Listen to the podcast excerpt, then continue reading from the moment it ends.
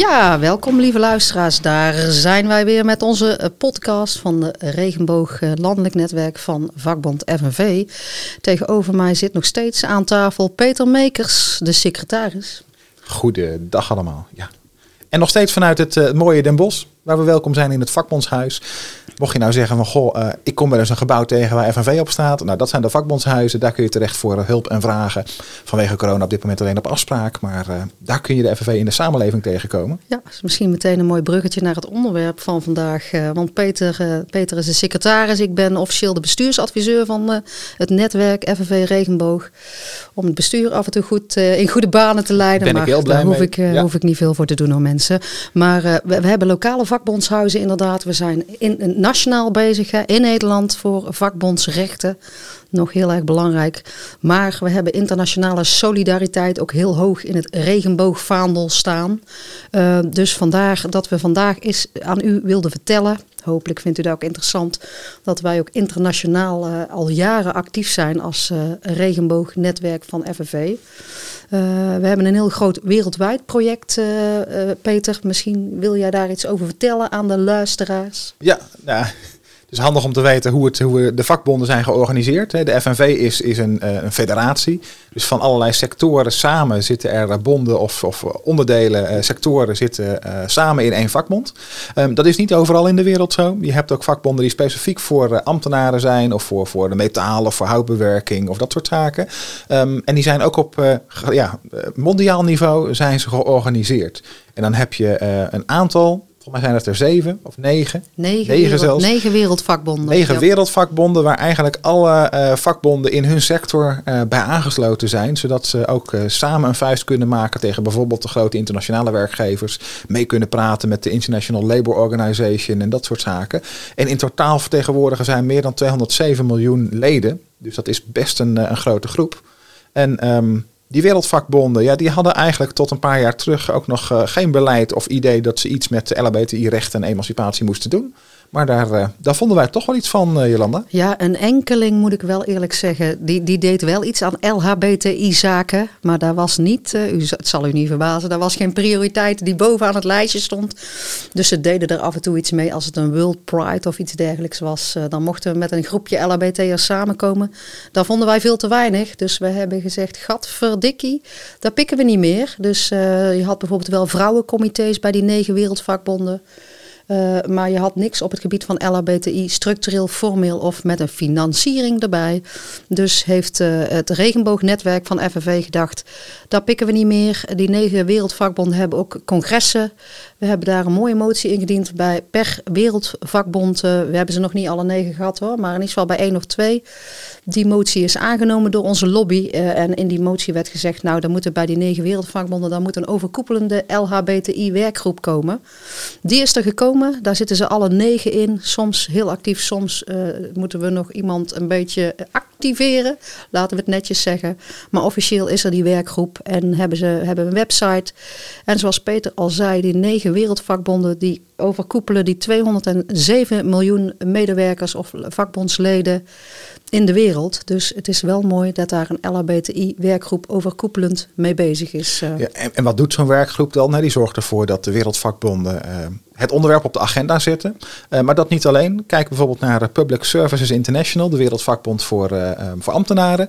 die hebben zelf ook een, een intern netwerk opgericht waar hun, hun, hun leden, hun, hun vakbonden in de landen lid van kunnen worden.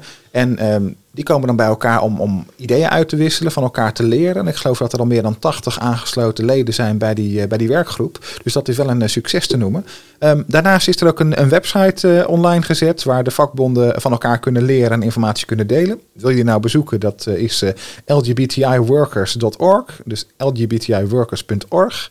En daar kun je ook lezen wat bijvoorbeeld de FNV nog verder doet internationaal.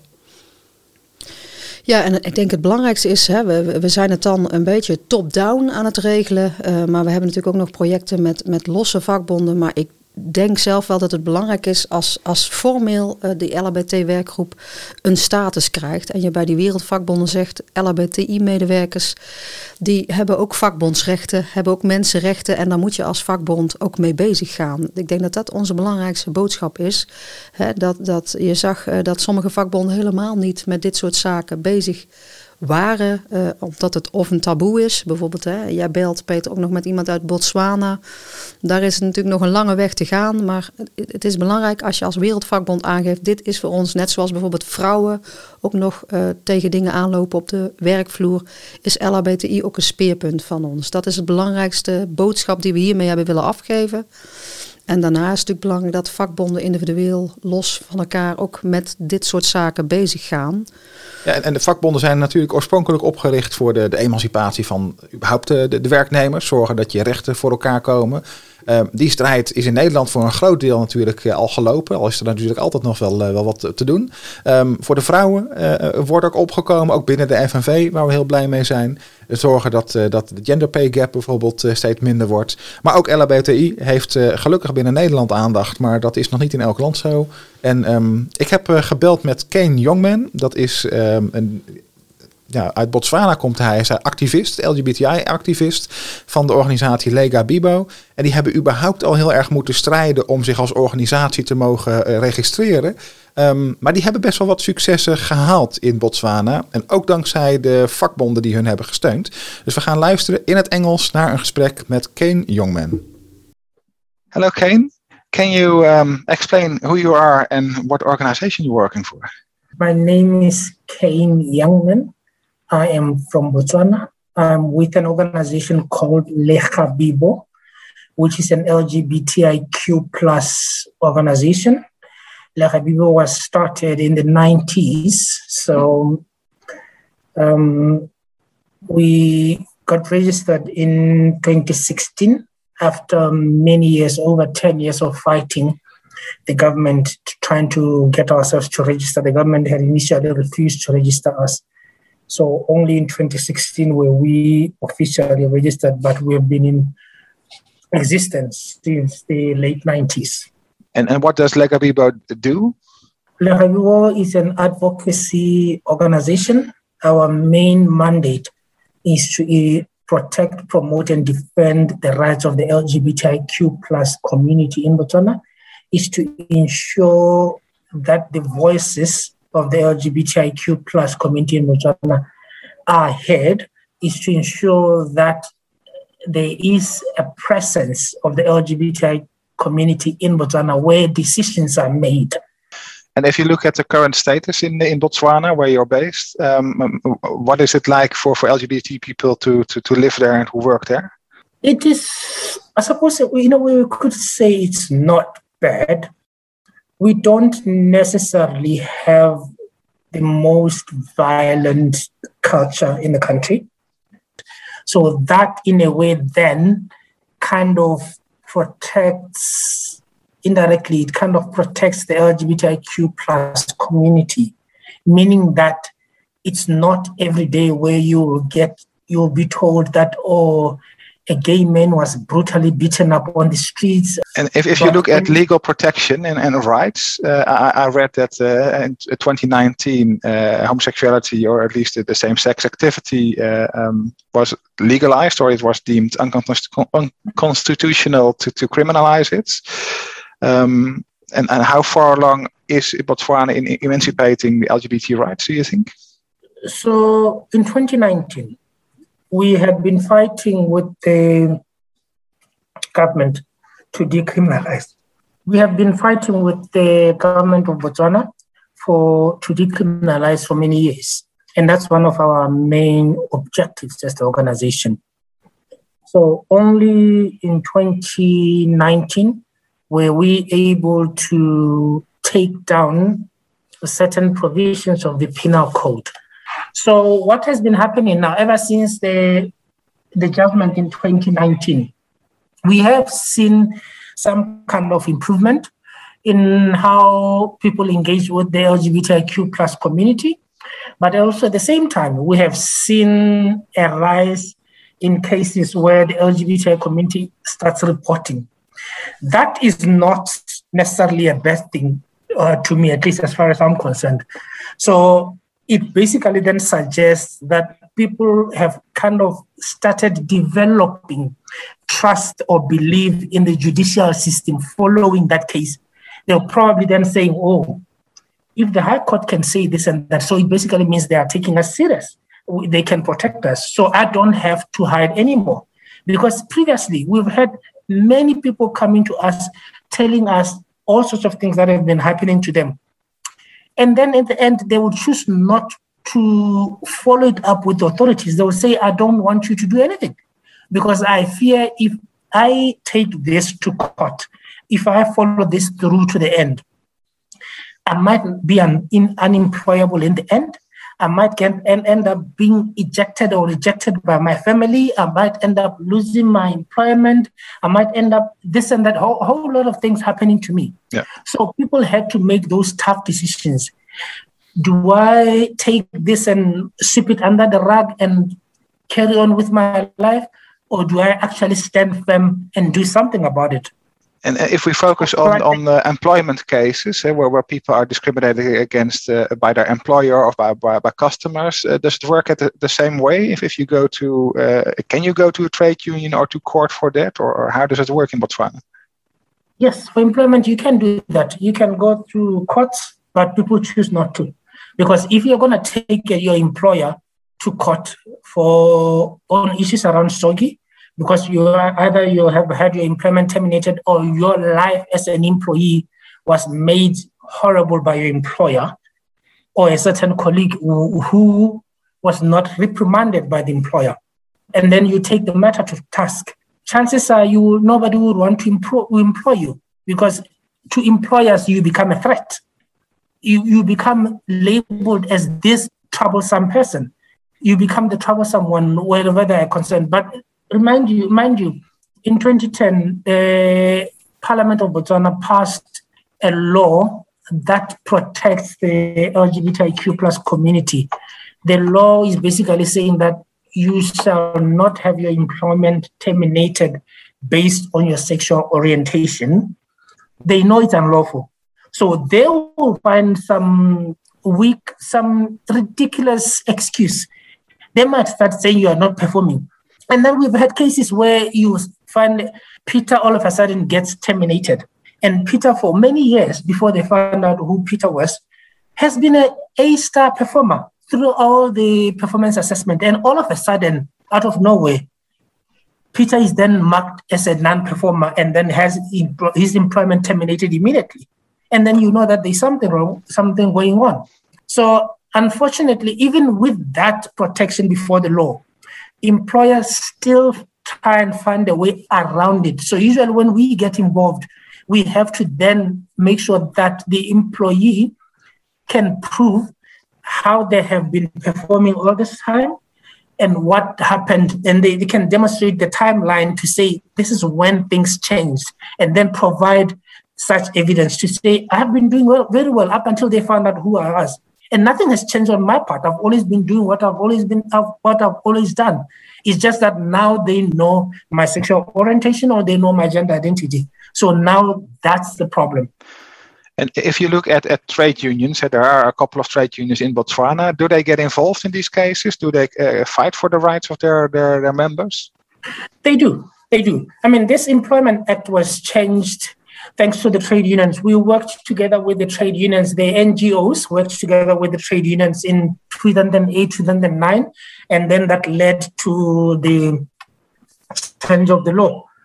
So trade unions do help. We at LEGABIBO, we work with uh, certain trade unions, like for example, secondary education teachers unions, among other trade unions. We work with various trade unions because they are custodians, they protect employees. And our job also is to ensure that LGBTIQ plus are protected. So if an LGBTIQ plus individual is an employee and has his or her rights or their rights trampled upon, we make sure that they also get to understand, they get to know what is going on. So because they have strength, because they have strength in numbers and they have the legal expertise where employment law is concerned, our job is to ensure that, in addition to that, they have an understanding of sexual diversity. They have an understanding of how employees, how employers can possibly use something to trample upon the rights of their employees or their members or their clientele. So we, we're trying to do to engage with them. And, and do you think they are doing enough, or could they be more proactive, or do they need more tools? Or, or they, they need to do more. They are not doing enough, not at all. They need to do more. And what could they because do more? they have they have a, a wider reach. They have strength in numbers. They have a strength in tenure, as in they have been around for the longest time. I, I feel like the trade unions have to also make human rights part of their mandate. They have to make human rights part of their um, way of practice.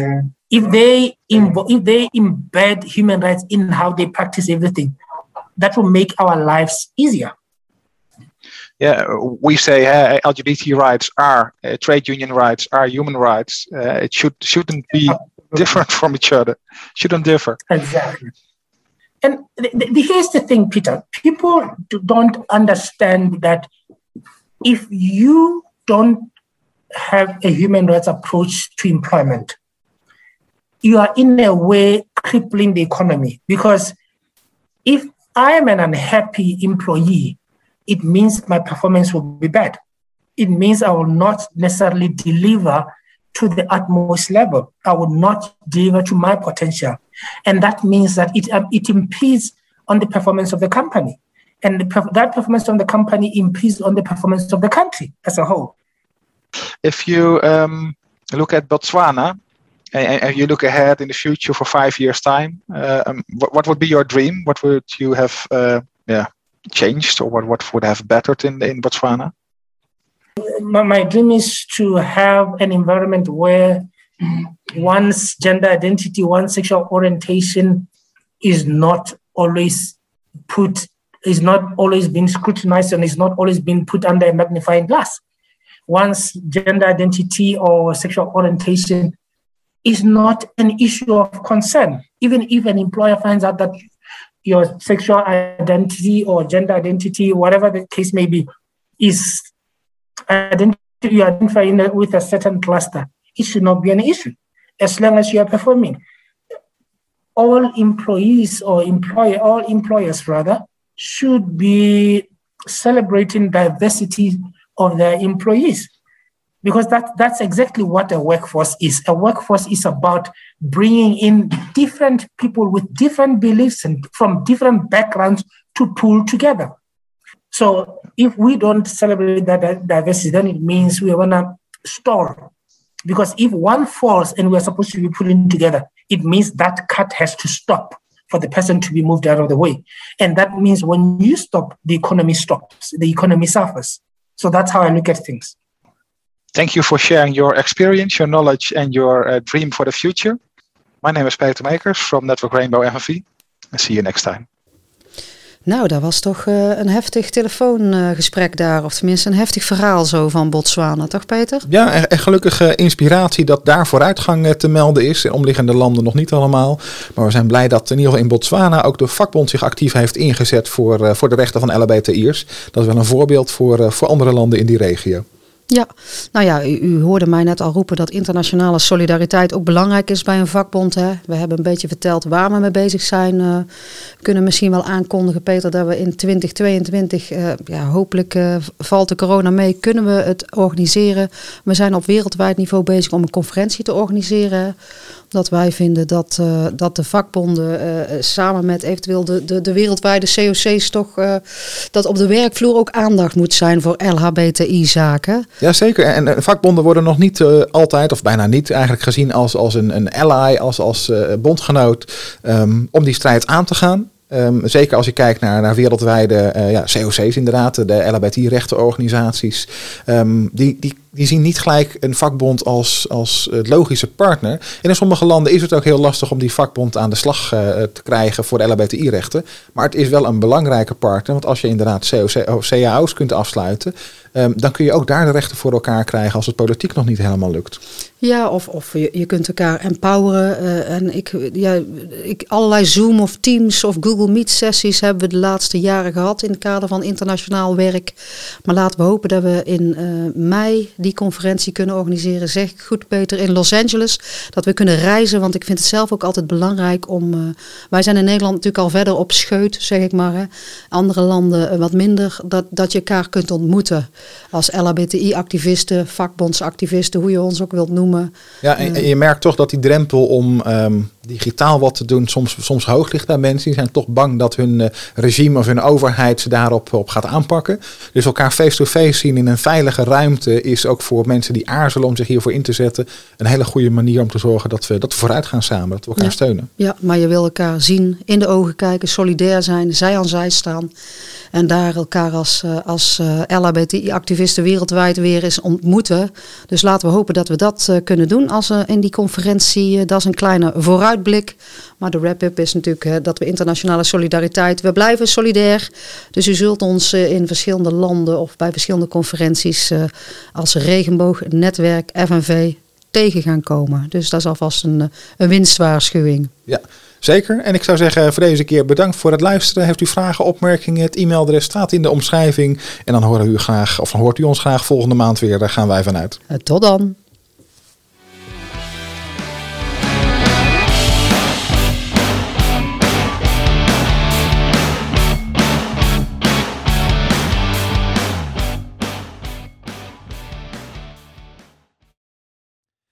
Dit was een podcast van de FNV Netwerk Regenboog. Voor meer informatie kijk op regenboogfnv.nl.